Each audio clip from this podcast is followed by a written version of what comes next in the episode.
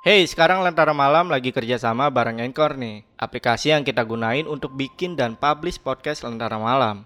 Di sini gue mau kasih tahu bikin podcast gampang banget dan 100% gratis. Semua yang kita butuhin buat bikin podcast tersedia lengkap di Anchor, termasuk distribusi ke Spotify dan platform podcast lainnya.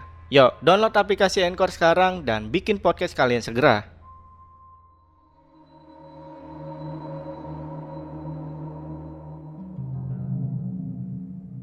Halo semuanya, kembali lagi di Lentera Malam bareng gue Jamal dan masih di original podcast Lentera Malam. Dan kali ini gue udah kedatangan teman dari Besok Pagi Channel. Di sini udah ada Jotem. Yoi, Kita Mal. langsung sapa aja. Tem, apa kabar Tem? Sehat mal Oke. Nah, ini lu bakal ceritain tentang pendakian nih ya. Pendakian Oke. Ini apa nih hal menarik dari pendakian lu kali ini? Di pendakian kali ini Mungkin sebelum kita nanti ngebahas lebih detail Dan bagaimana ceritanya. Cerita yang mau nanti bakal gue bawain Belum ini gue udah izin dulu sama keluarganya mal. Oke. Karena yang bakal gue ceritain ini adalah salah satu pendakian yang di mana gue naik sama orang yang, yang sudah meninggal 8 tahun yang lalu. 8 tahun yang 8 tahun. Dan ini anehnya lagi teman pendakian gue yang pada saat itu sempat bertemu di tahun 2017 Gue melakukan pendakian 2014 2017 teman gue masih ketemu almarhum ini. Oke. dan sampai pada intinya gue tahu semua kalau almarhum ini sudah meninggal di tahun 2009 dan baru ketahuan almarhum ini meninggal di tahun ini. Di tahun ini? Tahun ini. 2022. 22 lima bulan yang lalu. Dan itu setelah bertahun-tahun. Dan untuk lebih lengkapnya nanti ya. nanti. Nantilah ya. Eh, jadi teman-teman simak cerita ini sampai habis karena gua sendiri pun udah denger dikit nih dari si Jotem maupun dari tim ya, tim lo ya, si ya. Nardi terutama ya. Ah, Karena Nardi ini termasuk eh, salah satu teman yang dekat sama si Bobby ketika di ah, jalur pendakian, ya. Iya. Oke oke. Ini menarik banget. Jadi teman-teman gua harap simak cerita ini sampai habis karena epic banget. Tapi eh, sebelum itu nih kita intermezzo dulu nih ya. Eh gue pengen nanya hal yang paling serius nih Tom. Hmm. Kenapa sampai saat ini lu masih dipanggil sama Dustin Tiffany? Anjir. Suwe. Dustin Tiffany KW. Maksud. Enggak lah. gue tetap jadi diri gue sendiri aja lah. Iya iya iya. Tapi Bukan orang lain. Anjir, tapi banyak banget yang ngomong kayak gitu ya. iya. Tai banget. Tapi teman-teman lu banyak yang maksudnya banyak yang bilang kayak gitu juga gak? Lu Enggak. Karena circle pertemanan gue bukan circle orang-orang milenial mal. Oh gitu. Iya. Tuir Ya, tuir ya. Iya, Oh, iya, iya, tahun anak-anak tahun 90-an Iya, dan iya. jarang pada tahu tentang Dustin Tiffany siapa ya kan. gue juga baru tahu ketika banyak komen gitu gue liat, ah, anjir apaan sih cacat. Jadi sebenarnya si Joto ini pernah juga tampil di channel YouTube-nya Lenter Malam. Ah, Dan itu banyak banget komen yang bilang mirip Dustin Tiffany. Gue kira Iya. Dustin Tiffany punya cerita horor. iya. Gue kira Reja Arab ada Reja Arab, cu. Nah itu Gak ngerti gue Maksud Reja Arab dari mana? Iya dari mananya Enggak lah gue tetap jadi diri gue sendiri aja Oke, oke. Tapi gimana nih besok pagi channel nih? Selama ini. Masih jalan sih mal Hmm. Kita masih tetap konsisten di segmen pendakian horor ya Hmm. Ya tetap berjalan sekarang Oke, gua kasih tepuk tangan dulu karena eh, besok pagi ini masuk dalam top chartnya Spotify juga. Wih, gokil. Thank you thank you mal Kita kasih efek ini. Kasih Dan sekarang masih konsisten ya? Masih Masih juga ya. Masih Ini ada rencana juga gak dari lu buat bikin original kayak Lentar Malam? Ada lah Ada ya? Kan gue sempet nyinggung-nyinggung loh Gue mau juga nih Eksklusif di Spotify nih Tolong lah Eh, Bantu iya. kita nih pak Betul, bantu kita nih. Iya Ini kapan ya? Orang Spotify ini Nah kita, itu ya. Cobalah dilirik kita ini Iya Pak. betul. kita nggak sembarangan kok. Maksudnya serius juga. Serius juga Iya. Pasti tanggung jawab cowok Yang dipegang Tanggung jawab Omongannya. ya, omongannya. Iya. betul, Oke. Sekarang ngeri juga nih. Sekarang udah eh, peringkat berapa nih? Terakhir gue lihat kemarin tuh 80 80. Nah, itu tinggal teman-teman nih scroll aja nih. Iya Gitu Ya kan. jauh lah dia sama LM lah LM kan 50 ya 50 berapa? Apa ya? LM sekarang Adalah LBH. gue malu juga gue. Intinya ini kita eh, alhamdulillah ya Iya iya kita masuk top chart dari Spotify Alhamdulillah. ya. Alhamdulillah. Semoga dilirik sama Spotify untuk dibikin eksklusif. Pasti Amin amin. Jadi kita sukses bareng-bareng. Amin. Oke tem, ini udah kelamaan nih kita intermezzonya. Jadi buat teman-teman yang penasaran sama cerita lengkap dari Bang Indra Jotam, simak audionya sampai habis dan tanpa basa-basi lagi. Podcast Lentera Malam, kita mulai.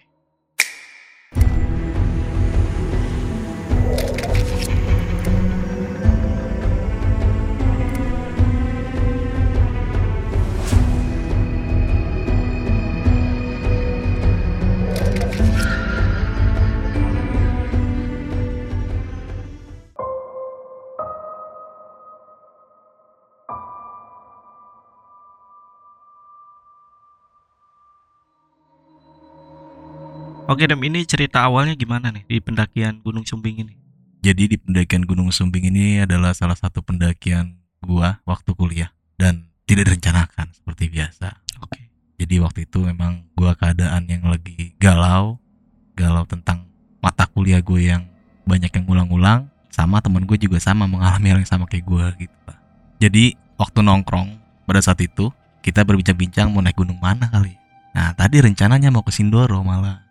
Nah akhirnya nggak jadi Kenapa karena teman gue belum pernah ke Sumbing. Jadi pada akhirnya kita merancangkan pendakian pada saat itu ke Gunung Sumbing. Nah di pendakian Gunung Sumbing ini, gue awalnya cuma berdua doang sama Nardi.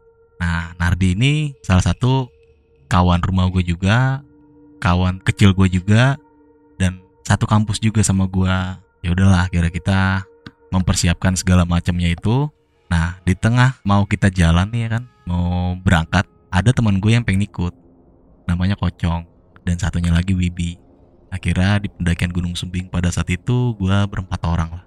Seperti biasa kita menggunakan kendaraan umum bus pada saat itu Eh, dari terminal Lebak Bulus mal. Oke. Perjalanan kurang lebih makan waktu 6 sampai 7 jam lah karena kita turun di terminal Wonosobo. Karena memang terminal Wonosobo ini salah satu terminal yang tempatnya nggak jauh dari pendakian kita nanti ke Gunung Sumbing ya udahlah perjalanan kurang lebih 6 sampai 7 jam tuh mal. Hmm. Nah di perjalanan itu gua nggak merasakan hal-hal yang ganjil atau firasat yang aneh-aneh lah. Ya kita seperti biasa fun melupakan semua kehidupan yang di kota yang tadi gue bilang gue melakukan pendakian ini karena galau. Hmm. Ya udah, kira kita menikmati perjalanan itu.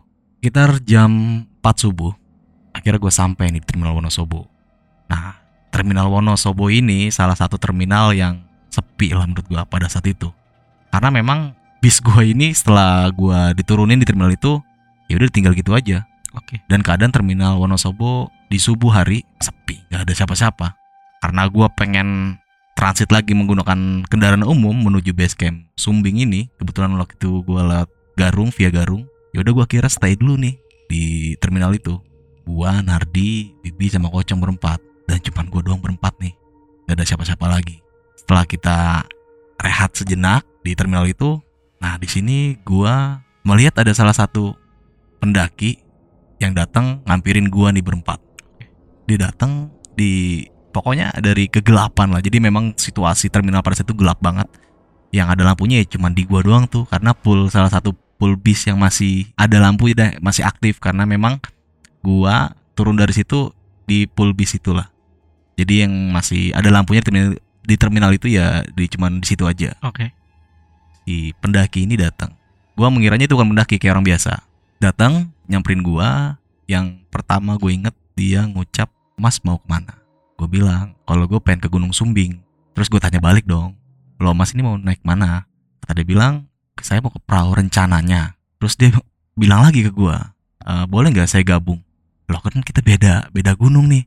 Lo ke perahu, gue ke Sumbing. Terus dia menjelaskan ke gua kalau dia itu seorang diri, solo hiking menjelaskan ke gua kalau dia itu solo hiking ya kan. Dia bilang ke gua, "Ya udah saya boleh ikut gabung sama rombongan Mas aja deh ke Gunung Sumbing." Ya kalau gue sih fun-fun aja terbuka buat semua orang ya kan. Lu mau naik bareng gue ya oke, tapi dengan satu syarat, ya lu harus safety pendakian lu. Hmm. Dalam artian ya perlengkapannya lu bawa semua, logistik yang lu bawa pokoknya lengkap semua dan gak ada minus lah. Oke, setelah itu akhirnya kita membuat satu kelompok jadi lima orang nih. Kan tadi gue berempat tambah Iya. satu jadi lima orang. Nah satu orang ini gue samarin aja namanya Bobby. Nanti si Bobby ini bakal menjadi salah satu orang yang menurut gua misterius banget. Dan gua nggak menyangka juga nanti akhirnya seperti apa dia. Kira kita mulailah tuh perjalanan karena memang hari udah mulai pagi ya kan udah Hmm. mulai terang datanglah tuh bisa datang kita naik kita menuju base camp Sumbing sampailah di base camp Sumbing nih akhirnya itu kurang lebih jam 8 pagi mal nah sebelum base camp ini memang ada pasar tuh jadi setelah gua stay dulu tuh di base- camp Sumbing kita istirahat nah sebagian ada yang belanja ke pasar kebetulan yang pada saat itu yang belanja ke pasar gua Bobby Nardi sama Kocong Nah si Wibi ini ditinggal di base camp. Kira kita ke pasar belanja logistik. Nah nggak ada firasat sama sekali pun. Kayak firasat buruk, pikiran negatif atau hal yang ganjal ya menurut gue ya. Kira setelah belanja logistik kita balik lagi nih ke base camp. Nah sampai di base camp registrasi dong pendakian. Nah registrasi kebetulan pada saat itu gue nggak bawa KTP. Dibaca KTP yang hard copy-nya ya bukan soft copy-nya. Jadi gue nggak bawa tuh. Nah kebetulan Mas Bobby pada saat itu bawa. Jadi pendakian Gunung Sumbing pada saat itu diketuai oleh Mas Bobi ini karena pakai nama dia yang bawa KTP lu jadi ketua regu itulah Oke. kira setelah itu registrasi kita udah kita sudah mempersiapkan segala macam dengan safety mungkin untuk meminimalisir kejadian-kejadian yang nanti tidak diinginkan di atas lah. Kita mulailah tuh berangkat tuh mal kita mulai berangkat kurang lebih jam 11 siang lah. Karena memang siang banget itu kesiangan lah. Gua naik Gunung Sumbing ini hari biasa mal jadi nggak hari weekend nggak banyak pendaki. Kebetulan pada saat itu memang yang melakukan pendakian Gunung Sumbing cuma rombongan gua doang. Di hari itu ya Gua nggak tahu nanti sorenya ada lagi. Ternyata setelah gue turun nggak ada cuma gua doang. Kita melakukan pendakian lah tuh. Waktu itu gua masih naik gunung lewat jalur yang lama jalur lama. Di sini gue ceritain nih. Mas Bobi ini deket banget sama Nardi. Jadi selama pendakian dia selalu berdua lah. Dan gua orang yang lead di depan gua Wibi sama Kocong. Nardi sama Mas Bobi ini selalu di belakang. Jadi apa formasi pendakiannya seperti itu. Kira kita melakukan pendakian tuh jalan Nevan lah. Nggak ada apa-apa kita saling bercerita tertawa-tawa bercanda-canda. Sampai pada situ kita sampailah di pos 1 nih. Di pos 1 ini nggak ada warung. Ada warung tapi nggak buka. Bukan nggak ada warung tapi ada warung tapi nggak buka. Kira kita rehat di pos 1 nggak begitu lama juga. Dan gua memutuskan untuk melanjutkan perjalanan kembali sekitar jam 2 siang. Jam 2 siang tujuan gua camp di Watu Kotak. Watu Kotak itu nggak jauh dari puncak karena gue milih di tepat waktu di Watu Kotak biar nggak jauh dari puncak nih gue Oke. Kira kita melakukan pendakian gue nggak mau mengejar apa tuh berlama-lama waktu ya kan karena nanti gue juga nggak mau sampai malam di sana. Karena gue nggak tahu kan ada pendaki di atas atau mungkin di bawah gue ada pendaki lagi gue nggak tahu. Hmm. di sini cuman kita doang nih berlima. Kita melanjutkan pendakian. Nah di pos 2 ini gue melihat gelagat gulugut Mas Bobby ini lelah. Tapi lelahnya nggak wajar. Kayak orang sangat lelah banget lah. Orang udah kecapean parah gimana sih? Keringetan terus nafasnya ngos-ngosan kayak gitu.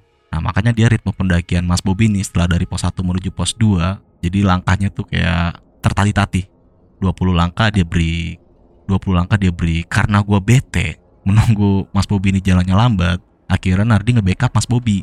Oh, lo tinggal tuh. nggak gue tinggal. Gue tetap mantau dia dari kejauhan. Itu Oke. jaraknya nggak cukup jauh mal. Ya, kurang lebih 10 sampai 15 meter lah. Gue masih melihat dia di belakang. Oh masih ada masih ada. Udah akhirnya Nardi gue suruh backup. Lu backup Mas Bobi ya kira dia backup. Nah setelah sampai pos 2 si Nardi bilang ke gue kalau misalkan si Nardi bilang ke gue kalau Mas Bobi ini kayaknya nggak bisa nih ngikutin ritme kita pendakian kita nih ritmenya.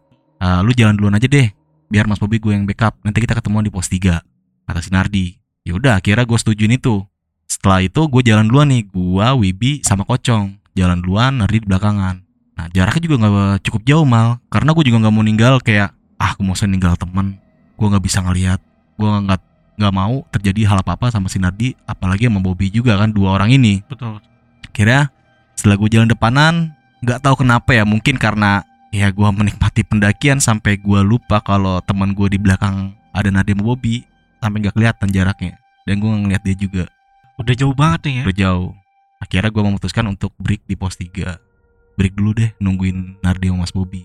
Itu sekitar jam setengah lima sore udah mulai sore nih. Nah gue tungguin kok ini anak lama banget ya. Sampai satu jam lebih lah gue nungguin. Nah setelah itu dia nyampe tuh mal. Nyampe pos 3 Bobby ini udah tadi lihat gue lihat dia sangat capek banget. Di pos 3 ini dia kayak bener-bener udah nggak kuat lagi. Nardi bilang kayaknya kita nggak bisa buat maksain nih buat melanjutin perjalanan. Kita nyari tempat camp area lah buat kita istirahat di situ. Udah akhirnya si kocong nih gue suruh buat nyusur tempat buat dirin tenda. Dapatlah kita di situ space-nya kurang lebih 2 sampai 1 sampai 2 tenda doang lah. Dan itu memang agak ekstrim juga yang gue di tenda jadi bawahnya itu pas banget jurang.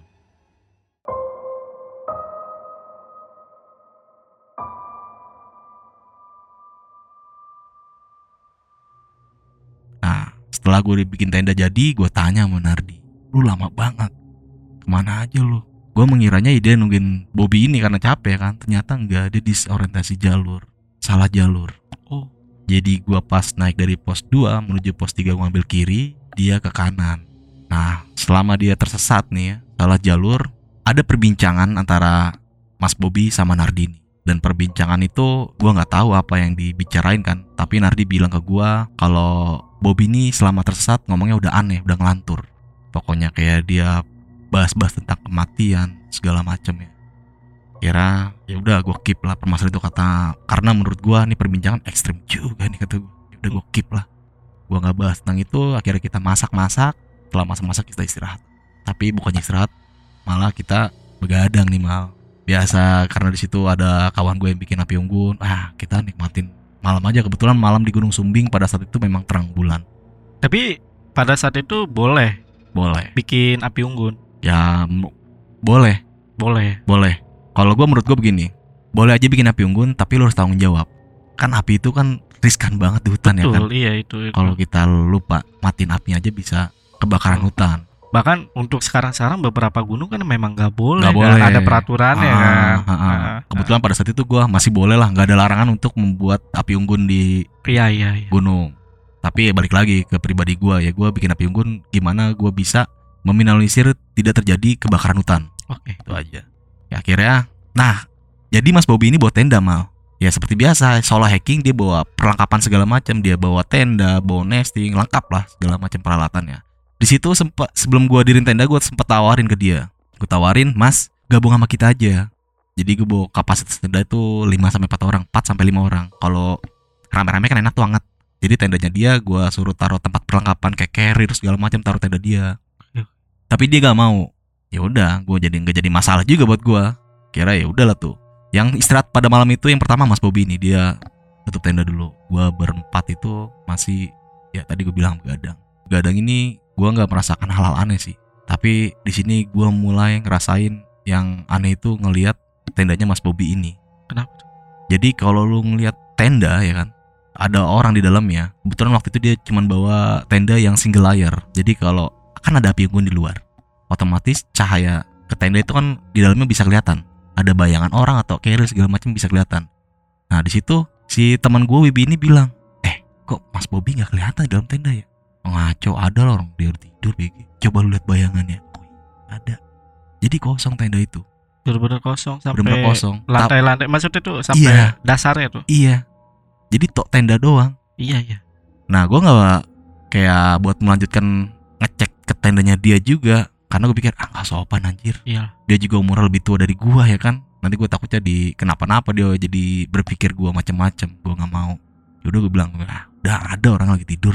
Nah setelah percakapan itu teman-teman gue yang lain pada penasaran tuh. Iya juga ya karena cuman bukan Wibi doang yang lihat mal, semuanya ngelihat. Dalam tendanya dia itu nggak ada apa-apa dari bayangan siluet dari api unggun itu kan. Akhirnya kita memutuskan tidur tuh mal. Pas kita lagi istirahat, jadi tidur gue itu gue paling pojok, Nardi di agak tengah, Wibi sampingnya, nah Kocong di dekat pintu tenda.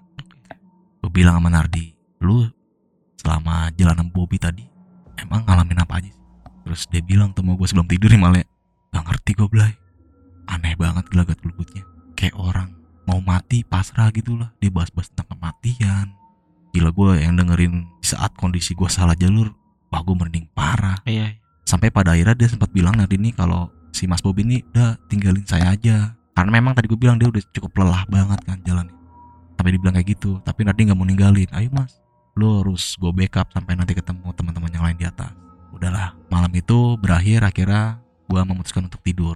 Nah bangunlah subuh nih. Yang bangunin subuh Mas Bobi ini. Mas Bobi ini ngetok-ngetok tenda kita buat sholat subuh.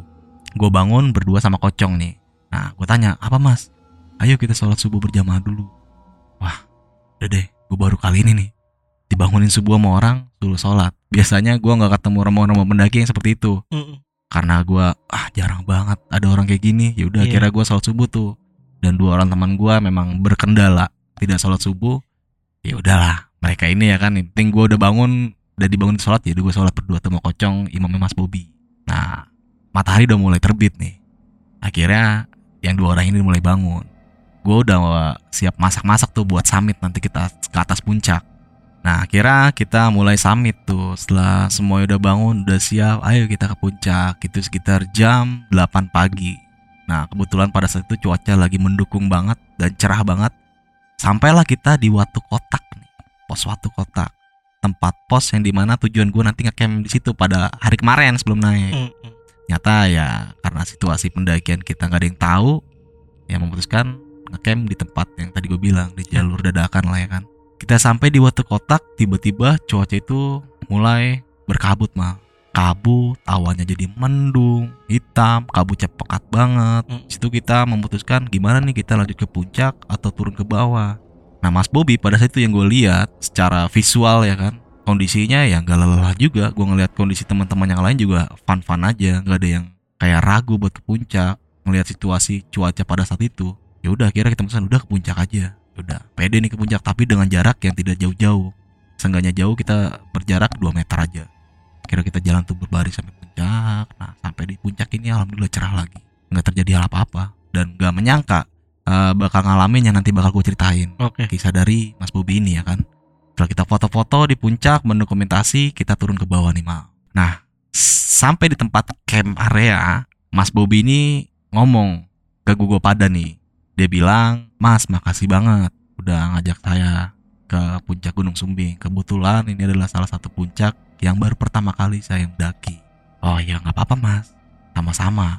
Dia bilang juga Mas nanti ketika sampai Jakarta nanti Mas mampir ke rumah saya ya karena saya nggak langsung balik ke Jakarta saya masih mau naik Gunung Sindoro setelah itu perahu jadi dia ada visi misi dalam hidupnya mau mendaki gunung Seven Summit Indonesia Oh gitu. Iya. Dan ini dia. tinggal Sindoro sama perahu. Enggak, jadi memang di tahun itu dia mau dalam satu bulan mau naik gunung sekitaran situ Kumbing, Sindoro, Oke, Prau, oke, Merbabu gitulah. Nah, ya gue bilang, oh ya mas, nanti kita mampir. Kira si Nardi tuker-tukeran tuh kontak telepon, nah, nomor telepon diminta segala macem. Ya udah kita fun turun ke bawah, biasa-biasa aja, nggak ada keganjilan aneh. Nah, sampailah kita di pos 1 nih. Pas turun ke bawah nih malah ya udah turun ke bawah, kita sampai di pos 1 nih, kita break karena memang pada saat itu hujan deras. Hujan deras lumayan cukup lama sekitar sampai 2 jam itu. Wah situ gabut gua. Logistik gua tinggal dikit pos base camp masih jauh dan gak ada rombongan pendaki. Dan gue baru sadar tuh ternyata memang dari hari kemarin sampai sekarang gak ada pendaki lain cuman rombongan gua aja udahlah kita rehat dulu di pos 1 nungguin hujan reda ya kan.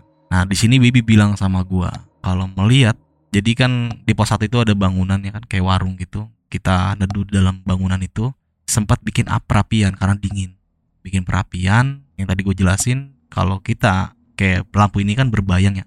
Tangan kita ada bayangannya. Sama kayak perapian dalam satu ruangan. Mas Bobby ini nggak ada bayangannya mal. Hah? kita kita ini ada bayangannya semua jadi Bobby ini doang yang gak ada bayangan. Si Bibi melihatnya seperti itu. Jadi dia menceritakan setelah kita mau turun ke Jakarta. Kita mau bahas tentang abis-abisan tentang si Mas Bobby ini Iya, yang iya. misterius menurut kita. Dan dan gua nggak merasakan hal yang aneh juga pada saat itu karena gua nggak merhatiin karena kondisi gue capek juga mungkin ya. Ya udahlah kira hujan tuh reda. Kita sampailah di base camp nih kita turun sampai di base camp sekitar jam 4 sore. Oke. di base camp jam 4 sore ini akhirnya kita perpisahan tuh sama Mas Bobby Mas Bobby seperti biasa yang tadi gue jelasin sebelumnya kalau dia mau melanjutkan beberapa gunung yang naik pengen didaki sama dia nah Mas Bobby ini ngasih sebuah kertas mal bertuliskan alamat rumahnya dia Gua nggak ngerti apa maksud dari kertas itu tulis alamat padahal udah dikasih nomor telepon tadi di atas. Dikasihlah ke Nardi dan kertas itu masih ada. Disimpan nama Nardi.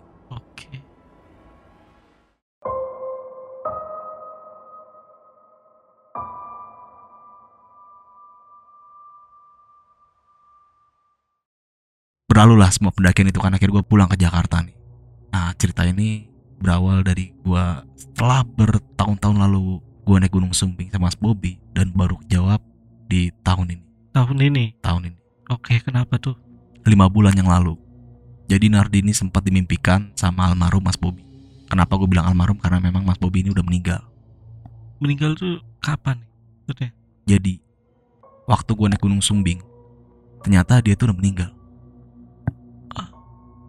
Dan itu gue tahu setelah kita udah bertahun-tahun ya kan. Ah. Dari 2014 dan kita baru ketahuan 2017.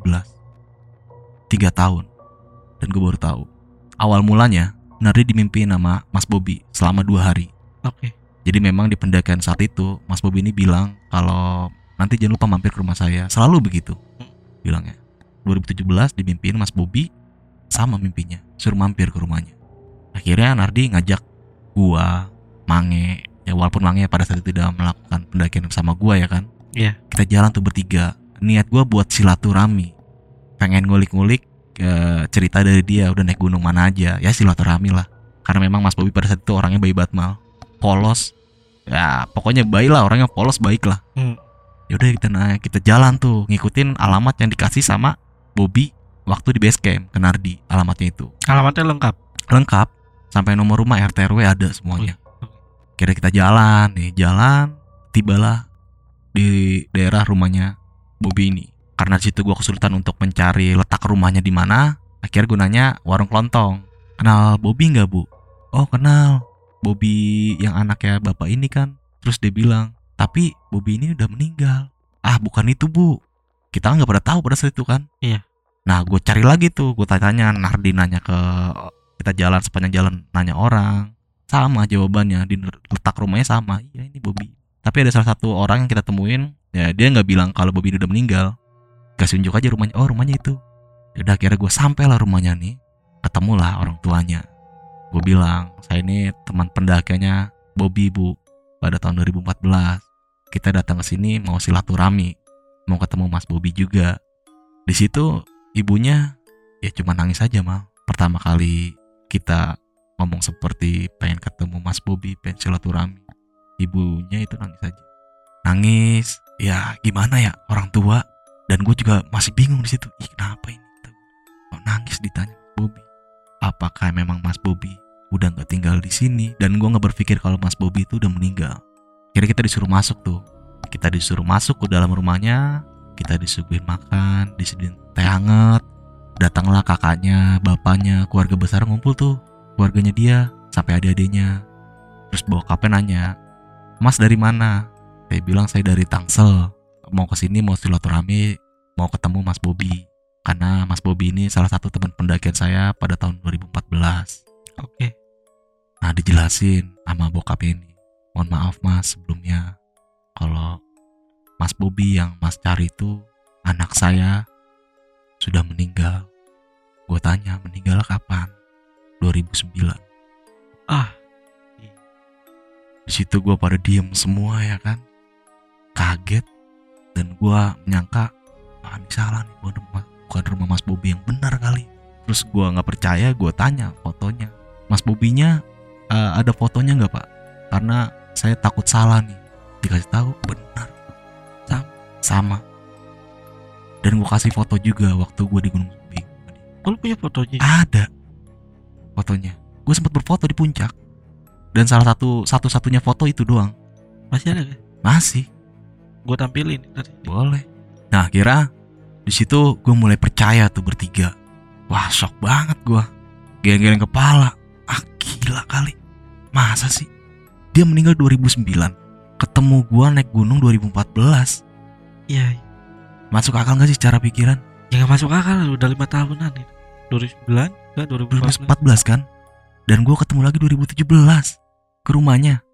Ya udahlah, setelah itu gua nggak mau kayak banyak perbincangan segala macem. Dan situ gue tanya meninggal karena apa pak?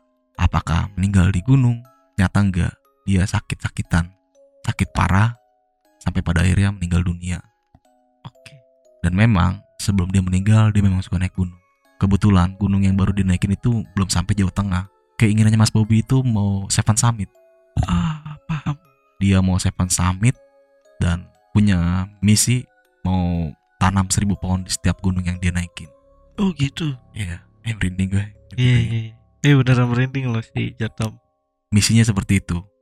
Percakapan itu kelar, gua bersama keluarganya kira gue memutuskan untuk pamit pulang ke rumah di situ gua sempat bilang kalau gua nggak bakal ngelupain Mas Bobi ini pertemuan kita ini bersama keluarga ya gua anggap silaturahmi kita. Iya, iya. itu aja akhirnya kita balik. Dan di situ gue bilang sama si Nardi dia sebelum meninggal sempat punya misi tanam seribu pohon tiap naik gunung. Dia naikin ya kan? Dan ketemu kita tahun 2014 pada saat itu memang Bobi bawa pohon mal. Oh, gua menyangkanya ya orang baik lah. Makanya gue bilang baik polos. Ini orang kok ada orang kayak gini ini bawa pohonnya gimana nih? Maksudnya tuh bawa bibit pohon Bawa bibit- bibitnya ya. bibit pohon Bibitnya berarti dalam satu wadah itu banyak Iya, ya. Oke. ah, bibit pohon. Dia di menuju pos satu ini Nardi bilang ke gua kalau dia sempat eh, nanam pohon di situ. Sempat. Sempat nanam pohon. Yang Dan ini kepisah, kita yang kepisah. kepisah. Enggak. Belum, belum. Jadi eh, memang tadi gue bilangin kalau Bobby sama Nardi itu selalu Iya. jalan belakangan. Jadi gua paling depan. Oh. Kadang gua nggak tahu apa yang dia mereka lakukan di belakang ya kan. Oke, oke. paham. Nah, kita kulik habis Nardi menjelaskan, "Nah, iya Blay. Pas kita naik tuh di pos 1, sebelum sampai pos 1 dia nanam pohon, bibit pohon. Gua tanya, "Gila Mas Bobi, buat apa nanam pohon, bawa bibit pohon terus nanam pohon di gunung ya kan?" Iya. Terus gue berpikir ya, bagus lah. Jarang ada orang kayak gitu. Yang ada sekarang yang kita lihat merusak alam. Iya, bener. Buang sampah sembarangan di gunung. Heeh. Nah, terus gue pikir lagi begini. Ini orangnya udah meninggal. Tapi kayak arwahnya atau jin korinya masih melaksanakan visi dan misi kebaikannya dia. Kalau menurut gue ya, energi positifnya itu Iya, yang membawa uh, visi misinya itu tetap jalan gitu. tetap jalan dan Lu- ketemu Kuat sama banget gua. gitu. Iya, iya. Dan cerita ini belum berakhir mal. Hey, sekarang Lentera Malam lagi kerjasama bareng Anchor nih. Aplikasi yang kita gunain untuk bikin dan publish podcast Lentera Malam. Di sini gue mau kasih tahu bikin podcast gampang banget dan 100% gratis. Semua yang kita butuhin buat bikin podcast tersedia lengkap di Anchor. Termasuk distribusi ke Spotify dan platform podcast lainnya. Yuk, download aplikasi Anchor sekarang dan bikin podcast kalian segera. Setelah kita balik sampai ke rumah, Nardi mau ngubungin si Wibi. Mm-mm. Nah, biasa gue panggil Goblin ya. Hmm. Mau ngubungin Goblin, ternyata nomor udah nggak aktif karena kita memang setelah pendakian itu udah jarang berkomunikasi, Oke. udah jarang kontek-kontekan. Ini aja mau hubungin si Goblin ini mau ngasih tahu kalau Mas Bobby ini udah meninggal. Oke. Nah, kira gak aktif-aktif tuh dihubungin ya kan. Sampai pada akhirnya setelah berhari-hari, berminggu-minggu, berbulan-bulan, si Goblin ini mampir ke tempat gua, ke base anak-anak. Pas banget. Gua kasih tahu lah tuh kejadian yang gua udah tahu duluan berdua sama Nardi ya kan. Walaupun pada saat itu gua naiknya eh gua pergi ke rumah Mas Bobby ini sama Mange. Mange ini tidak ikut dalam pendakian Gunung Sumbing. Iya, iya. Gue bilangin ke si Wibi, Bi, lu tau Bobby kan yang Gunung Sumbing bareng kita? Iya tahu gua. Nah sebelum gua kasih tahu dia udah ngasih tahu gua duluan mal. Ih kemarin gua baru ketemu sama dia. Ah ketemu di mana lu? Jadi si Goblin ini profesinya ojek online. Hmm.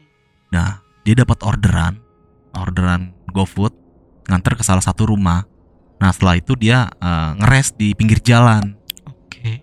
Dia ngeres di pinggir jalan itu nggak jauh letaknya dari sekitaran rumahnya Bobby. Dia ketemu Bobby, mal di pinggir jalan. Wibi ngeliat dan akhirnya disamperin Bobby ini. Terus dia saling bercerita lah. Bobby ini menjelaskan kalau gua udah mendaki gunung ini, ke gunung udah tertinggi di Sumatera.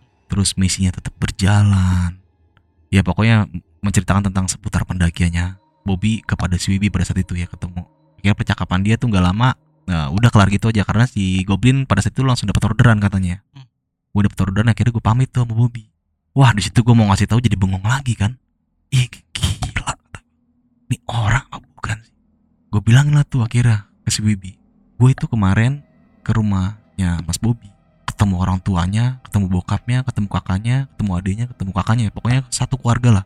Lu tahu nggak kalau Bobby itu udah meninggal? 2009. Wah, geleng-geleng kepala gue semuanya.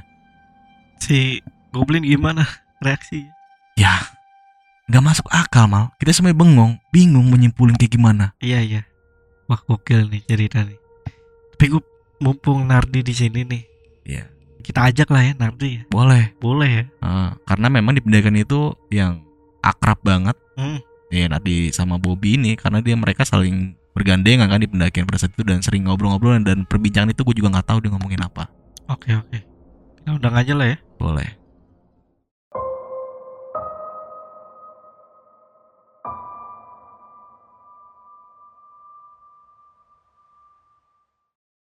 Oke, di sini gua udah mendatangkan narasumber lagi yaitu si Nardi yang kebetulan juga dia ikut sama Jotem dan satu tim ya iya di besok pagi ya. Mm-mm. Oke, Nar. Ini ada yang mau gua tanya ini, Nar. Ini kan menurut Jotem itu kan selama pendakian itu lu deket banget sama almarhum Bobby ini nih. Jadi sebenarnya nggak deket sih mal. Jadi emang gua eh, dempetan sama dia. Oke. Nah, selama pendakian dari jalur awal sampai akhir gitu ya, sampai puncak, itu gimana sih cerita menurut pandang Dari versi gue ya. dari versi lo, sorry. Jadi kan Mas Bobby ini kan gue itu kenal itu di terminal. Mm-mm. Terminal dia sendirian. Nah singkat cerita nih sampai di base camp nih. Kita di Hmm. terminal itu nggak ada terjadi apa-apa. Mm-mm. Ya kan. Nah sampai di base camp ini kebetulan kita nih berempat itu nggak punya nggak punya fotokopi KTP. Oke. Nah di situ Mas Bobby langsung nih punya saya aja kata dia. Biar cepet ya. Ya. Oke. Nah oke di situ udah nggak terjadi masalah, udah tuh kita lanjut tuh dari base camp menuju ke pos 1 Nah posisi gue ini sama Mas Bobby ini itu di posisi di belakang mal, posisi di belakang. Nah yang lain itu ber- eh, bertiga itu di depan. Oke. Nah sepanjang jalan itu kan gue nggak naik eh, apa nggak naik ojek ya. Itu sepanjang jalan itu kayak merasa aneh. Jadi posisi gue itu ada di belakangnya Mas Bobby nih. Itu posisi siang. Nah kalau posisi siang nih kita jalan nih pasti ada bayangannya kan. Iya. Nah pada pada saat itu si Mas Bobby ini bener-bener kayak nggak ada bayangannya mal. Oh, lu sempet cek juga gak yang di depannya Mas, Mas Bobby, misalkan si Goblin ya misalkan ya, Hmm. atau si Indra, itu ada bayangan ya memang. Posisi jauh, posisi jauh. Jadi gue nggak kayak nggak ngeliat mereka gitu kayak apa sih nggak ngeliat bayangan mereka. Tapi yang posisi paling deket itu gue sama Mas Bobby. Jadi gue di gue itu posisinya di belakang Mas Bobby. Otomatis kalaupun dia bener-bener apa ya eh, pendaki asli manusia itu pasti ada bayangannya lah. Tapi di situ gue berpikir positif. Ya udah, gue diem aja. Iya, takutnya kan pantulan dari mataharinya yang Nah, yang yang kurang lah maksudnya ya. iya benar. Tapi lu ngeliat bayangan lu sendiri ada bayangan? Ada bayangan Oke, gue. iya iya iya. Makanya gue di situ ah, ya udahlah, biarin aja. Mungkin gue halu kan di situ. Hmm. Ya udah gue positif aja, gue lanjut nih ke pos 1 kan. Nah, sesampai di pos 1 itu kan anak-anak juga pada break kan. Hmm. Break. Nah, posisi gue sama Mas Bobby itu breaknya itu tetap deketan. Jadi kayak seberang-seberangan nih. Gua sama Mas Bobby nih. Jadi kayak ke depan. Nah, yang lain itu agak agak jauh terus lagi bikin kopi tuh. Gue sempat mau ngobrol sama Mas Bobby. Gue bilang, "Mas, gimana capek nggak?" Gitu kan. Terus kata dia, "Enggak." Nah, di situ pas abis dari posisi di depan gue nih, itu pindah ke samping gue. Gue itu di pos 1 bener-bener kayak gimana ya, namanya kita jalan dari base camp ke pos 1 itu agak begitu jauh ya, keringetan lah. Nah, pada saat itu, bajunya Mas Bobby ini bener-bener kering, Mar. Bener-bener kayak apa ya, keringatnya itu nggak ada. Makanya gue bilang, gue mau ngomong sama anak-anak juga kayak takut ngeri, yang lain juga takut gitu.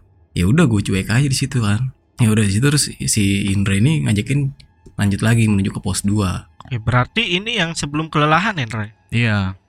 Jadi kan emang sempat gue ngeliat Bobby ini yang malu tuh Blay yang ke- berdua cukup lelah banget tuh. Hmm. Nah, sebelum kelelahan dari pos 1 menuju ke pos 2. Sampai dia pas dari pos 2 mau menuju pos 3 kan si Nardi sama Mas Bobby Terpisah. terpisah. Iya iya, oke. Lanjut nah. ya udah lanjut nih pos 2 kan. Nah perjalanan dari pos 1 ke pos 2 itu gua agak begitu jauh. Jadi gua nggak terlalu apa ya merhatiin dia banget nih. Posisi gue itu belakang banget gitu. Ya udah gue jalan sampai nih di pos 2 nah sampai di pos 2 ini kita juga break tapi begitu agak apa ya lama lah. Agak lama ya udah. Gue juga agak menjauh. Gue ngerinya apa? Halu gue ini keluar lagi mal. Makin menjadi. Iya Oke. makin menjadi. Di situ gue bener-bener ya tutup mulut lah. Gue nggak ngomong ke anak-anak. Ya udah, gue apa seperti biasa tuh ngopi ngerokok. Tiba-tiba si Indra ini ngajakin jalan lagi. Gue bilang bentar dulu, gue baru istirahat. Soalnya kan posisi pada sampai di pos 2 ini dia duluan. Iya. Ya udah, akhirnya dia jalan tuh bilang sama gue. Ya udah, gue depanan ya. Nanti gue tunggu di depan, kata dia. Ya udah, gue di sini dah sama Mas Bobby gue gituin. Ya udah. Kira dia jalan nih. Dia jalan, gue bilang ke Mas Bobby, Mas, kita lima menit aja di sini ya. Jangan lama-lama, soalnya takutnya ketinggalan jauh sama anak-anak. Iya, kata dia. Ya udah, sekitar lima menit lanjut tuh gue menuju ke pos 3 nih. Lanjut, jalan tuh seperti biasa gue paling belakang. Mas Bobby tuh di depan gue. Hmm. Di situ dia udah mulai aneh lagi mal. Dia tuh kayak gimana ya? Kayak lemes banget. Tapi setiap gue tanya, itu dia baik-baik aja. Gue bilang, Mas, capek nggak? Kalau capek istirahat aja dulu. enggak mas ya udah jalan lagi ya udah jalan Mukanya? Lemes ya? Mukanya tuh kayak bener-bener kayak biasa aja gitu. Kayak nggak ada rasa-rasa kayak gimana sih? Eh, capek. Biasanya kalau misalnya muka capek kan kayak wah lemes nih mukanya nih. Ya kan? Itu bener-bener ya biasa aja. Nggak ada raut muka yang aneh. Lu nilai dia lemes dari mana nih? posisi pas gue panggil dia kan ke belakang. Gue bilang mas capek nggak? Enggak biasa aja gitu. Kayak muka biasa aja gitu. Kayak awal mula perjalanan aja ya udah menurut gua dia udah nggak capek kan ya udah gua lanjut lagi. Gue bilang ke Mas Bobi Mas kita jalannya agak cepetan ya soalnya yang di depan ini makin nggak kelihatan gue gitu kan. Gue jalan pas menuju pos 3 nih tiba-tiba di, di depan gue tuh kayak ada percabangan mal. Kanan sama kiri. Di situ gue sempat break buat memastikan jalan yang mana nih yang benar ya kan? Ya udah gue bilang kan Mas Mas Bobi udah pernah naik sini belum? Gitu nih belum mas. Oh gitu. Ini kira-kira jalurnya ke mana ya soalnya kan gue juga belum pernah ya kan. Gue baru pertama kali di situ. Terus Mas Bobi bilang yaudah saya cek dulu ke kiri. Dicek tuh kiri. Nah jalur yang kiri itu menurun mal. Jadi begini nih tapi tiba-tiba begini agak turun. Oke. kata dia bilang mas ini kayaknya bukan dah bukan jalurnya. Gue cek nih sebelah kanan kan. Gue cek sebelah kanan bener tuh. Gue kenapa bisa me- apa menganggap jalur itu bener? Karena ada sampah. Gue bilang mas ini jalurnya sebelah kanan. Oh gitu. Ya udah kita ngambil kanan aja. Ya udah akhirnya gue ngambil jalur kanan nih mal.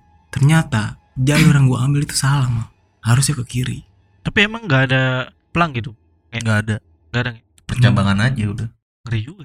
ya. itu. Tapi kayaknya sih eh, sekarang tuh udah ada. Oh, udah marka ada. jalannya udah ada. Lanjut. gue jalan tuh kan ngambil jalur kanan ya udah. Posisi masih sama tuh. Gue paling belakang mas Bobby gue mas Bobby ini di depan. Jalan jalan lah nggak berapa lama jalan tiba-tiba mas Bobby ini jatuh. Jatuh aja gitu.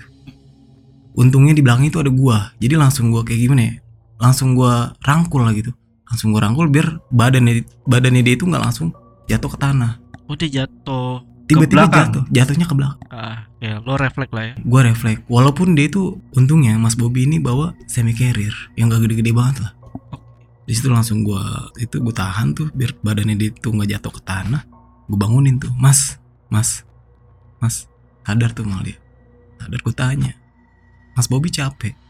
Kalau Mas Bobby capek ngomong dong. Biar apa ya? Biar kita itu istirahat gitu. Nggak terlalu ngejar yang di depan. Hmm.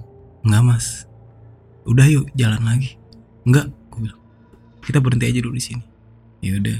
Mah kan gue di situ sempat break ya sama Mas Bobi itu ya? Gue masih belum mengira tuh jalur yang gue ambil itu salah. Soalnya pas naik itu lama-lama kayak datar kayak nggak turun nggak naik gitu aja. Jadi kayak flat aja tuh datar. Di situ gue sempet break nah Mas Bobi ini ngomong ke gue Mas emang udah lama naik gunung? Belum mas. Nggak begitu lama lah. Oh gitu. Kenapa sih eh, suka naik gunung? Gue sempat ditanya kayak gitu ke Mas Bobi ya saya suka aja gitu sama pemandangan alamnya. Gue balikin nih ke Mas Bobi Mas Bobi kenapa naik gunung sendirian? Mas Bobi ini jawab mal dia itu punya impian mal. Jadi setiap dia naik gunung itu dia selalu bawa bibit dia selalu bawa bibit dan dia itu setiap gunung apaan aja dia pasti nanam pohon di situ gue sempet apa ya agak-agak terharu juga sih sama Mas Bobi ini dan yang lebih gokilnya di setiap perjalanan sampah itu dipungutin Di setiap perjalanan. di setiap perjalanan Walaupun dia dalam keadaan lemes gitu. Iya. Dia sempet dia apa ya? Dia selalu bawa trash bag, trash bag yang nggak begitu besar lah ya, sedang lah. Gue bilang ke Mas Bobi Mas kenapa uh, sampahnya dipungutin gue gitu kan? Ini kan bukan sampah Mas Bobi. Hmm. Ya karena saya cinta alam. Saya dari dulu begini kalau naik gunung. Terus dia sempet yang bikin gue apa ya? Bengong. Kata-katanya dia Mas Nardi. Kalau misalnya pendaki gunung itu meninggal di gunung keren gak ya? Hah? Dia sempet ngomong kayak gitu ke gue mal. Di situ gue kayak apaan sih Mas Bobi? Gue bilang. Sempet kayak gituin omongannya dia lah. Nggak boleh begitu Mas. Kalau misalnya kita mati itu udah kehendak Allah lah. Nggak ada keren-kerennya gue gitu. Tapi menurut Mas Nari gimana? Ya gue balikin lagi tetep. Ya nggak ada keren-kerennya Mas. Meninggal di gunung. Ya udah, gak usah ngomong kayak gitu Mas. Ini kita udah terlalu lama break. Kasihan anak-anak nunggu kita di depan lama. Gue gituin kan. Ayo jalan lagi. Iya Mas, ayo. Itu gue jalan malah itu sampai gue gimana ya? Gue bantuin berdiri. Gue jadi eh, posisinya itu nggak ngadepnya Mas Bobi di depan, gue di belakang enggak. Jadi bener-bener udah samping-sampingan aja. Lo papah ya. Iya, gue papa. jalan jalan. Terus Mas Bobby bilang Mas Radit kenapa baik sama saya? Gue udah gitu. Ya karena apa ya? Eh, kalau misalnya Mas Bobby udah naik saat udah bergabung sama tim saya itu udah jadi keluarga saya gue gitu ya. Terus dia bilang sama gue pada saat eh, nyasar ini nih Hmm. Mas nanti jangan lupa ya main ke rumah. Di situ dia mulai kayak gitu. Dia bilang kayak gitu. Gimana ya? Jadi mikir gue Hmm. jangan lupa main ke rumah. Maksudnya apa? Gue gitu kan. Terus dia bilang pokoknya jangan lupa nanti main ke rumah. Ketemu sama ibu dia bilang. Ya udah gue biarin aja kan gue nggak tangkep tuh omongannya dia. Gue jalan jalan. Itu jalanan yang gue ambil tuh lama-lama makin sempit mal. Jadi gue kayak susah banget tuh. Kan posisi gue mapah mas Bobby ini ya.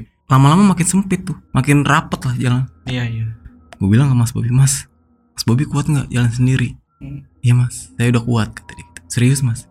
Iya. Ya udah akhirnya gue lepas mas Bobby. Dia jalan sendiri tuh akhirnya. Posisi dia di, dep- di depan gue kan. Jalan jalan terus mas Bobby bilang mas ini kayaknya kita benar-benar nyasar kata ya udah gue bilang ke mas Bobby ini udah pokoknya ngarah ke atas aja. Ya udah akhirnya gue lurus. Tuh lama-lama jalur yang gue lewatin tuh lama-lama naik mal. Alhamdulillah ya mal. Nggak begitu lama. Itu gue keluar mal. Gue keluar gue kembali ke jalur yang benar Taunya dari mana? Taunya itu pas banget persimpangan. Oh, Jadi persimpangan ya. ya, ketemu ya jalan. Nah, ketemu. Das, Mas Bobby bilang sama gua, Mas Nardi, ini kita ngambil jalur yang ke mana? Gue salib tuh, ya kan, Mas Bobby. Gue lihat, gue ngeliat ke kiri. Gue sempet agak jauh tuh dari Mas Bobby. Gue kan ke kiri dulu tuh kan. Gue ke kiri, pas gue lihat, lah, ini mah jalur turun. Gue balik lagi nih ke Mas Bobby, Mas. Ini jalurnya ke kanan, gue gitu. Emang kenapa?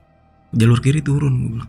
Arah base camp. Hmm. Ya udah akhirnya gue berdua ini ngambil ke jalur kanan alhamdulillah mal gue ketemu sama anak-anak di situ gue sempet diomelin sama Indra dia bilang lu lama banget sih gue di situ diem aja daripada gimana ya mengkeruh suasana ya kan Iya iya. akhirnya gue diem aja gue bilang iya nih mas Bobby agak begitu lama jalannya gue bilang gue nggak tega ninggalin dia yaudah yaudah ayo akhirnya itu kita kalau nggak salah ngecamp ya di situ boleh Iya. nah oke. kebetulan juga udah mau maghrib posisi bener-bener udah mau Karena malam. emang lu nggak mau kena malam ya. Tra, ya? dari awal ya. Hindarin malam sih. Karena di Sumbing itu kan ada salah satu mitos kan di Watu Tulis itu kayak ada pasar setannya Oh gitu. iya. Karena gue sempat gali-gali literasi tentang Gunung Sumbing ini. Sebelum naik gunung kan gue selalu gali literasi kayak sejarahnya mitosnya larangannya seperti apa. Nah mitosnya yang gue baca seperti itu. Kayaknya ah gue enggak deh. Kayak kalau ketemu malam di lewat pos itu. Makanya gue ngindarin malam mal dan kebetulan juga memang kondisi Mas Bobby ini memang udah cukup capek juga kan anak-anak juga ya udah kita mutusin untuk camp di sini aja ya udah akhirnya kita camp lah di situ Dan keanehan yang terjadi di tempat camp itu yang gak ada bayangan doang yang pas nyalain api unggun. nah iya dan Kalau itu dari lu Nar ada gak?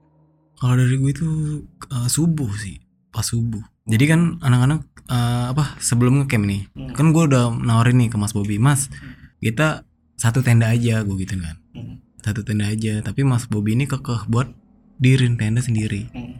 Maksud gue biar nggak apa ya, namanya sumbing kan dingin banget ya. Hmm. Gue ngerinya itu dia tuh hipo gitu, ya kan. Akhirnya gue nawarin, tapi ditolak sama dia.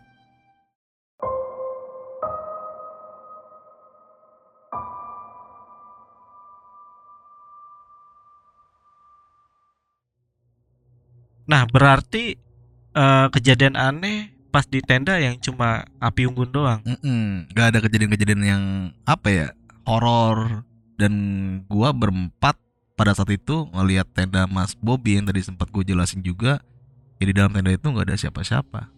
Oke ini buat eh, teman-teman yang lagi dengar kalau misalkan dengar ada suara eh, agak noise ya itu Ah. bukan noise tapi emang lagi hujan ini ya. Iya emang cuaca pada minggu ini lagi ini ya kurang baik ya? hujan mulu. Hujan mulu ya. Oke, gue penasaran nih Nar. Ketika lu bersama Mas Bobby yang terpisah, itu ada keanehan lain gak sih? Nggak ada sih, dia cuman apa ya, uh, nitip doang. Kayak uh, gue ini disuruh main ke rumahnya. Iya, iya. nggak ada lagi gue juga ber gue di, pas di situ juga berpendapat bahwa kan Mas Bobby juga baru keluar dari rumah gue berpikir kayak gitu kan kenapa gue ini disuruh main ke rumahnya dan ketemu ibu am- sama ibunya Terus itu gue kayak agak ya bingung aja sih gue Karena gue kenapa nanya ini mulu? Ih, mana ya ini cerita gila sih ya. Termasuk cerita epic dan menurut gue ini lebih horor dari lu ketemu setan doang. nah itu ya kan karena banyak pasti banyak hal yang aneh-aneh nah pertanyaan gua ini, ada gak kejadian aneh lagi sama si Mas Bobby ketika sebelum naik gunung? Kan lu sempet pada ke pasar. Orang-orang pasar gimana ngeliatnya? Oh, kalau untuk masalah itu berarti kita ngambil sudut pandang dari orang-orang warga Hmm, setempat ya. hmm. Nggak ada mal. Karena gua abis turun gunung ya udah kita berpisah masing-masing dari base camp itu. Sorry, berarti pada saat pendaftaran si penjaga base camp juga ngeliat si Ada. Ada. Bobby. Kan dia ninggalin soft copy Iya. KTP-nya. Itu, Iya, ada. ngeliat juga tuh. Iya, dan makanya gue berpikir ya orang Wah, gila. manusia bukan makhluk gaib dan segala macam ya. Iya itu itu. Men, gila, gokil gokil gokil. Dan yang lebih parah itu pas turun sih, pas udah nyampe base camp ini. Heeh. Dia itu kan pas udah nyampe base camp ini kan, gue paling terakhir sama, dia berdua ya. Hmm. Dia itu nggak mau ke masuk ke dalam base camp. Dia cuma ngasih alamat ke gua, Mm. terus dia langsung pergi. Alasannya apa? Nggak tahu. Dia pokoknya buru-buru. Dia mau buru-buru dan dia bilang sama gua sekali lagi, Mas, pokoknya Mas Dari harus main ke rumah, ketemu sama ibu. Ini alamatnya. Oke, kenapa di saat lu udah sampai Jakarta nih atau eh, rumah lu, itu kalian berdua nggak langsung main? Karena memang di tahun itu gua-gua pada nih lagi apa ya gencar-gencara lagi naik-naik gunung tuh mal. Habis dari Sumbing kita ke gunung satunya lagi, ke gunung satunya lagi. Waktu itu kan masih kuliah juga kan. Dan waktunya kayak buat main karena memang jarak dari tempat tinggal gua nih sama anak-anak sama rumahnya Mas Bobi ini lumayan cukup jauh. Jadi ya nggak sempat lah. Dan pada akhirnya kan yang tadi sempat gue ceritain juga Iya. kalau kita kira melakukan silaturahmi ke rumahnya Mas Bobi dari awalnya si Nardi ini mimpin. Mimpi. Ya. Nah, kita flashback lagi nih ke cerita dulu pada. Jadi pada saat lu tersesat nih Nar, ya, lu tersesat sama dia. Dan tadi Indra sempat ngomong kalau pada saat lu tersesat itu dia sempat naburin bibit itu, bener? Iya, bibit pohon yang di bawah sama dia. Heeh. makanya eh gue kagum banget sih sama dia gitu jadi sekarang gimana gimana ya mana ada sih pendaki gunung yang bener-bener Peduli sama peduli lingkungan. sama lingkungannya Iya. itu cuma dia doang gokil banget ini pendaki dan emang cita-cita dia dia itu apa setiap naik gunung pasti naburin bibit-bibit apa pohon yang dibawa sama dia itu Dia sih cuma nggak ada bayangan doang. Iya. Keanehan ya. Keanehan ya. Dan gak ada yang ngira juga kalau dia makhluk gaib. Ya kita semua mengira dia manusia. Dan akhirnya kan setelah bertahun-tahun terjawab ya kan. Dan itu makanya gue mikir, ah gue nyikapinnya kayak gimana. Sampai sekarang aja gue nggak percaya karena memang di pada saat itu gue ngeliat di pendakian dia manusia. Nah, Nar, ini kan yang dimimpin, ini asli Nardi doang nih yang dimimpin. Iya. gue doang Oke, detailnya mimpinya kayak gimana, Nar? Lu sempet dua kali ya mimpi? ya? berkali-kali sih jatuhnya. Berkali-kali ya? berkali-kali Oke, yang paling lo inget itu detailnya kayak gimana sih? Datang ke mimpi lu. datang ke mimpi gue nih awalnya ya Hmm. kenapa gue juga nggak tahu bisa datang kayak gitu soalnya gue berpikirnya apa pas udah dari base camp nih mal Hmm. dia bilang Mas Dari harus main ke rumah saya kan gue udah ber- udah lama tuh ya kan udah lama nah ketika malam hari nih gue tidur kan gue tidur itu tiba-tiba gue mimpi mal. Tuh gue lagi naik gunung. Gue lagi naik gunung berdua doang sama Mas Bobi gue nggak tahu gunung mana itu gue lupa. Mas Bobi bilang sama gue Mas Nardi Mas Nardi masih ingat nggak apa yang saya bilang waktu di base camp? Apa tuh mas? gue bilang gitu kan. Kan saya udah bilang mas Nardi harus main ke rumah ketemu ibu. Mimpi gue itu nggak hari itu aja mal. Jadi setiap gue mau tidur mas Bobby ini datang ke mimpi gue selalu menanyakan itu makanya pas keesokan harinya itu gue ngomong nih ke anak-anak lah lu masih inget nggak mas Bobby Gunung Sumbing? Gue gitu kan. Iya kenapa? Gue belum gue belum ngasih tahu nih bahwa gue ini dititipin alamat. Kira gue kasih tahu nih ke dia ke mereka lah. Gue kasih tahu nih alamat mas Bobby kita disuruh main. Kan waktu itu yang terakhir ketemu itu gue makanya akhirnya gue kasih gue berangkat pagi itu juga ke rumahnya mas Bobby Yang terakhir ketemu maksudnya ketika dia mau pergi Dari base camp. dari base camp. Iya. Yang gue Mau bilang pulang tadi. maksudnya mau pulang. Iya, mau itu pisah lo terakhir. tuh. Iya mau pisah lah. Oh itu lo orang itu gue ya. makanya Oke, iya. gue juga nggak tahu kenapa alamat itu masih ada di gue gue gue aja sampai lupa loh Ah itu tuh. gue aja lupa loh Itu lo nyimpennya nah itu gimana tuh? Ada cerita lagi nih. jadi pas apa gue lagi buka dompet nih gue lagi buka dompet kan gue biasa kalau naruh kayak kertas-kertas itu di selipan ya Mm. gue lagi nyari recehan nih Eh. set tiba-tiba nongol nih kertas putih set lah ini alamatnya mas Bobi kasih di situ gue baru inget mal makanya keesokan harinya pagi gue langsung berangkat Berarti dompet lu nggak pernah ganti tuh Udah ya? pernah ganti gue dompet. Udah bawa sikil tuh ya? Wih, udah bawa kerak. Tapi gue juga dompet awet mal, Udah bertahun-tahun dompet gue nih. Iya sih, cuman Iya. ada beberapa kan yang udah robek-robek kan lu pasti Iya. ganti kan. Tapi ini berarti bagus tuh dompet lu. Dompet gue bagus loh pastinya. Merek apa? Gak bisa disebutkan. Oh, nggak usah sebutin. Gak perlu anjing. nah ini pertanyaan selanjutnya ketika lu tahu dari orang tuanya kalau dia udah meninggal 2009 nih dan lu udah ke rumahnya nih lu semua ke kuburannya nggak? Gak sempet lah. Gue ngeliat ibunya nangis aja tuh bener-bener kayak gimana ya? Sedih banget loh. Harusnya ke kuburannya ya nyekar ya. ya harus lah Iya. karena ya dia ngingetin lu mungkin dia minta doa Tapi setelah gue balik dari itu kita doain Mas Bobby karena memang pas minggu kemudian kita ada gelar selamatan kan di tempat kita biasa ngumpul. Hmm. Ya sekalian nitip doa buat Oh, almarhum Mas oh Bobby. lo udah nitip doa Hmm. kalau dari orang tua atau keluarganya Bobby pernah didatengin juga gak sama Bobby lu sempet nanya itu gak sih Kalau gua ya pribadi gak sempet nanya kayak gitu mal karena memang banyak pertanyaan-pertanyaan juga dari Nardi ya kan tentang kayak tadi lu tanyakan kayak gini. Gak tahu mungkin dari lu waktu itu nanya apa aja boleh sama orang tuanya boleh. Gue nanya sama orang tuanya nih, eh, khususnya ibunya ya. Gua bilang, "Ah, emang Mas Bobi ini udah udah berapa lama nggak pulang? Terus kata dia, ya bener-bener apa ya, udah lama banget. Gitu. Ya ibunya juga nangis-nangis mulu. Gua hampir digebukin warga juga karena bikin kekacauan gitu. Hah? Keramaian. iya sempet rame Karena rame lah. Orang gua ngeliatnya dia Orang masih hidup. Sampai jerit-jerit ibunya, kamu bohong loh. Anak saya udah meninggal. Dia bilang gitu. Fotonya gue punya. iya ketika lu kasih fotonya gimana Iya, Ibunya? itu pas apa yang lagi di puncak. iya Iya, baru diem deh baru diem. Bukannya diem lagi malah pingsan. Pingsan. Krodit lah pada saat itu. Ya udah, gua sebagai orang yang bersama Mas Bobby pada saat itu ngelihat kejadian yang gua ke rumah orang tuanya, ya gue juga bingung ya. Ini kenapa? Ada apaan sih? Ya. Orang di sini gua pengen bertanya "Er, bener sama Mas Bobby kok malah jadi kayak gini gitu. Bener-bener nggak nyangka ibunya. Kok kalian bisa ketemu? Gue sampai di bener-bener kayak sampai dipojokin lah. ah paham paham nah terakhir nih dari gua lu semua sempat ke Gunung Sumbing lagi Kalau gua enggak si Nardi kemarin tuh.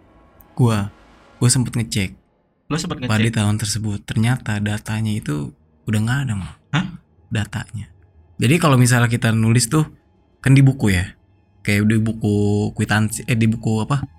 Da- ada daftar, Daftar. Iya, list daftar lah. list. Itu udah kayak kependem-pendem gitu. Hmm. gue sempat mau nanyain ke pihak base camp tuh kayak agak gimana ya kayak agak takut gitu Hmm. kayak agak takut ntar malah panjang lagi Iya, iya. dipertanyakan lagi di situ makanya ya udahlah pas gue tanya data tahun ini oh udah tumpuk mas kata dia bukan yang nggak ada tapi belum ketemu Belum Iya, ketemu. mungkin masih ada ya kan. Tapi karena kita nggak mau perpanjang permasalahan itu ya udahlah. Namanya orang udah meninggal dunia ya urusan dia sama yang maha kuasa aja. Gokil. Tapi by the way, thank you nih lu berdua udah datang di Oke, kantor Mal. sama-sama mal Dan ini si Jotem sama Nardi datang ke sini ah, kita sekaligus tukeran konten juga ya. Yo, Jadi buat teman-teman yang penasaran, mereka ini meminta cerita gua yang waktu pendakian di Gunung Merbabu ya. Dan ini first time gua, first time ya first time time ya. gua cerita horor pendakian ya. Harus lah. Cerita horor pendakian ini di besok pagi. Ini lu mau masukin di channel YouTube atau uh, podcast juga nih? Podcast YouTube juga. Oke, berarti nanti YouTube dulu. Iya. Habis itu reupload ya. dari upload. Oke, oke. Dan sekali lagi thank you. Oke, Jotem. Mal. sama-sama mal Nah, thank you ya Ya, datang ya. Jangan kapok ke LM. ya. siap nggak kapok Enggak. Nanti habis ini kita syuting ya. Oke, Langsung siap. ya. Oke, yaudah. Mungkin eh, dari gua itu aja dan dari eh, Jotem sama Nardi ada yang mau disampaikan nggak? Ah, mungkin kalau kita menyimak dari cerita yang tadi kita udah ceritain malah ya. Hmm, Kesimpulannya kan eh, niatnya Bobby ini kan baik ya. betul. Jadi kalau menurut gue pribadi ya segala sesuatu kalau kita berniat baik itu nggak bakal pernah mati ya kan? Hmm, dan itu bakal tercapai. Salah satu contohnya yang tadi Mas Bobby. Mas Bobby udah meninggal dia punya niat baik untuk menanam seribu pohon dan mempunyai visi misi Sepon Summit. Hmm, dan setiap pendakinya nanam seribu pohon akhirnya tercapai. Dan ketemu gua Betul. Dan kayak gue bilang kodamnya atau apanya Hmm. melakukan hal tersebut ya Iya iya iya. ya pokoknya jangan sungkan lah kalau lu punya niat baik lu jalanin aja Jalanin ya. Iya. Nah, karena sampai kapan pun itu niat nggak bakal baik pernah mati nggak pernah mati. Iya. Oke, dari lu Nar? Cukup sih. Oh, Oke mantap. Eh, hampir sama lah ya. Oh iya hampir sama ya hampir sama. Karena ya tadi gue juga sempat singgung kalau mungkin ini energi positifnya dari Mas Bobi ini terlalu besar makanya visi misinya Nah, tetap jalan. Nah. Dan lagi pula energi positifnya Mas Bobi ini kan sampai nggak apa ya nggak menakut-nakuti kalian Nah, lagi. enggak. Ah, Itu dia. cuma membuat aneh aja. Aneh aja. aneh aja. Dan ini cerita yang epic banget dari tim besok pagi. Terima kasih. Oke, yaudah jangan lupa juga buat uh, teman-teman di sini untuk mampir ke channel dan uh, podcastnya besok pagi karena besok pagi ini udah masuk dalam top chart juga. Itu kalian scroll scroll ya agak-agak bawah ya dari LM ya. Tapi mantap perjuangan kalian mantap. Siap, siap, siap. Kita sukses bareng-bareng ya. Amin. Amin amin. Yaudah, uh, gua Jamal dari Lentar Malam dan Indra dari besok pagi Nardi dari besok pagi. Izin pamit. Bye.